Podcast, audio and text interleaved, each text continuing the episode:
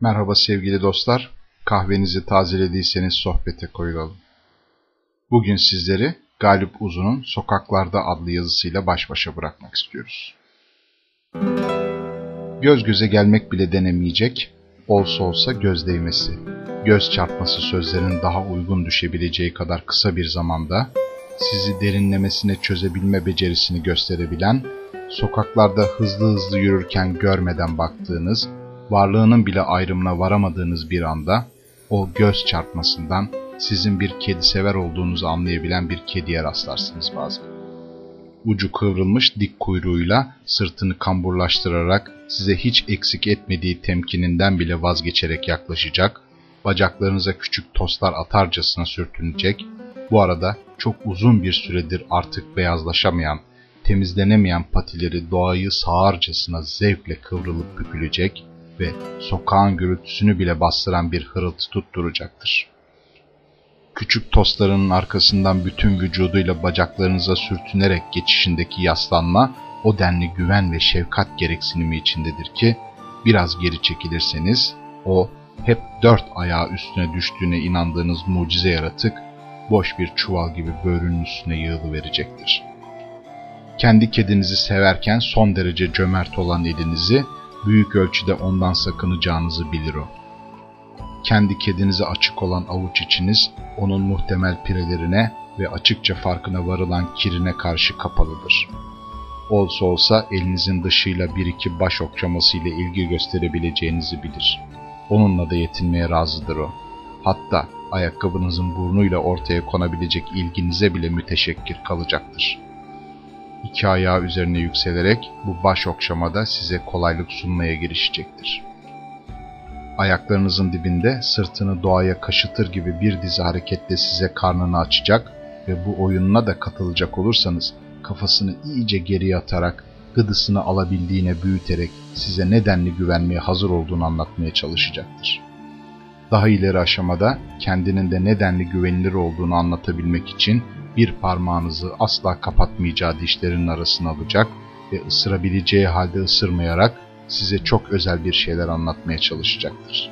Kapanmayan dişlerle, küçük ısırıklarla. İşte bütün bu davranışları sergileyen bir kediyle karşılaşırsanız, bilin ki bu kedi bir zamanlar ev kediliği yapmış, insan ama insan ilgisini ve sıcaklığını tadabilmiş bir kedidir. Sonra güvendiği dağlara kar yağmıştır.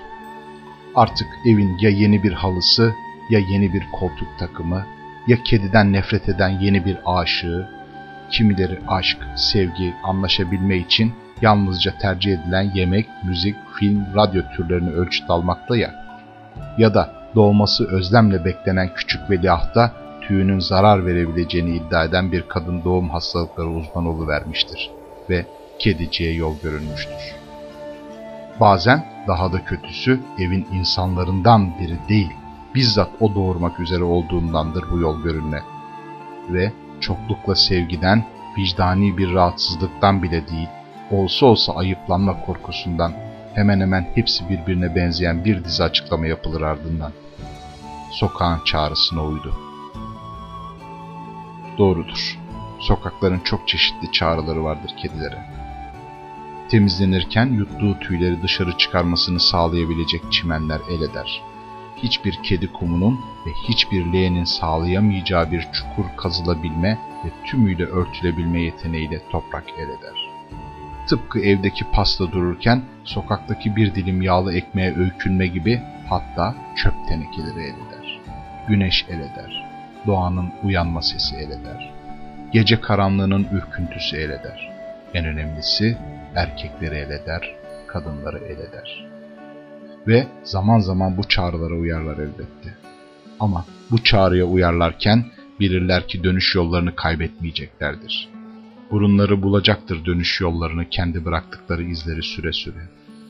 Bilemedikleri, bilemeyecekleri, giderlerken açık olan kapıların, camların dönüşlerinde açık olmayabileceğidir.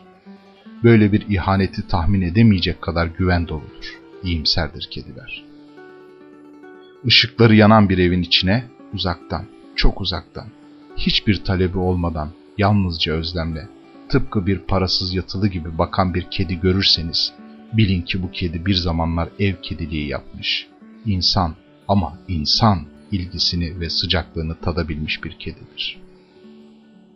Onunla ilgilenirseniz kısacık bir an, bir zamanlar minicik bir su damlasının bile saatlerce yalanmasına sebep olduğu günleri çok geride bırakmış olmanın utancını hissedercesine, tüylerin keçeleşmişliğinin farkına varıp uzun ve ciddi bir yalanmaya girişecek, yaşamının bir bölümünde hep sahibi tarafından temizlenmiş göz çapaklarını hala kendi kendine giderememenin sıkıntısıyla gözlerini sizden kaçırmaya çalışacak ve gözünü gene o eve dikecektir.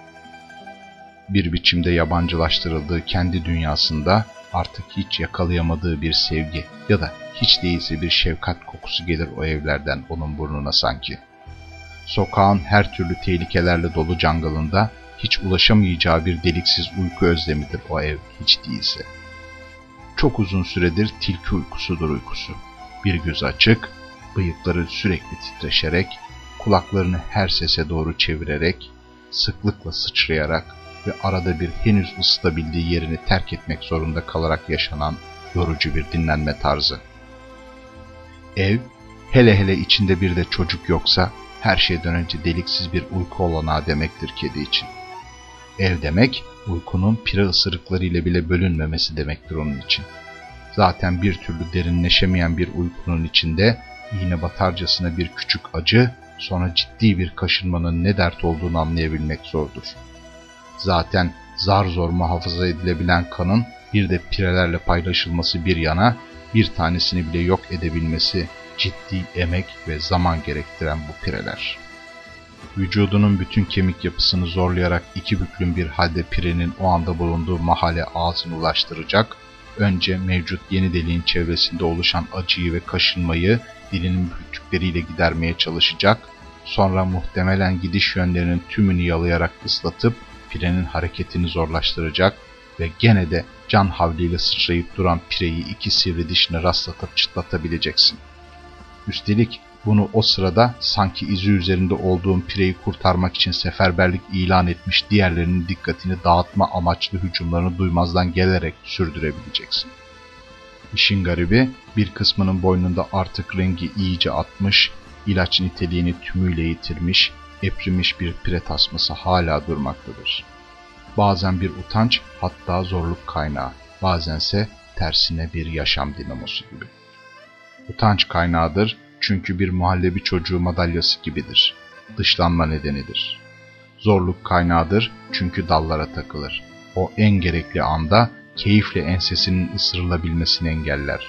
Hele ki bir de küçük çanı duruyorsa hala üzerinde avlanabilmeyi olanaksızlaştırır.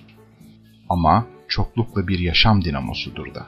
Bir esir kampında kaptırılmamış bir yüzük, hatta artık çalışmıyor olsa da eski güzel saatleri görmek istercesine sık sık bakılan bir köstekli saat gibi. Şefkatin, sevginin, derin ve keyifli bir uykunun ötesinde elbette düzenli ve sağlıklı bir beslenme olanağı da demektir ev. Sokaktaki gibi bulduğunu, üstelik de birileriyle itişip kakışarak son lokmasına kadar yemek zorunda kalmamaktır. Sokaktaysan doyana kadar yemek lüksün yoktur. Bitirene kadar yemek zorundasındır.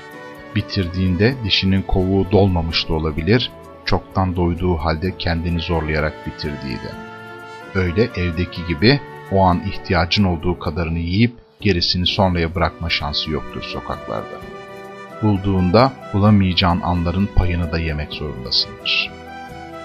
Ve sanılanın tersine en zoru susuzluk sorunudur sokaklarda bir kedi için. Zamanla bir çamur birikintisinden toprağı yutmadan suyu süzebilme öğrenilir ama hep en tehlikeli yerlerde bulunabilir olur bu birikintiler. Ardı arkası kesilmeyen bir araç trafiği, akla gelebilecek her tür haşaralığı yapmaya hazır nedense kedi düşmanı bir çocuk güruhu, sokak köpekleri ve daha da garibi hayvan sevdiğini sanıp cici köpeğini tut diye seni işaretleyen bir insan yığını içinde zaten zor olan su içebilme olanağı iyice zorlaşır. Oysa öyle bir keyiftir ki su içmek. Evde bu iş yapılırken gözler kısılırız evde. Bütün kediler çocukların hatta hayvan dostu çocukların bile güvenilmez olduğunu bilirler.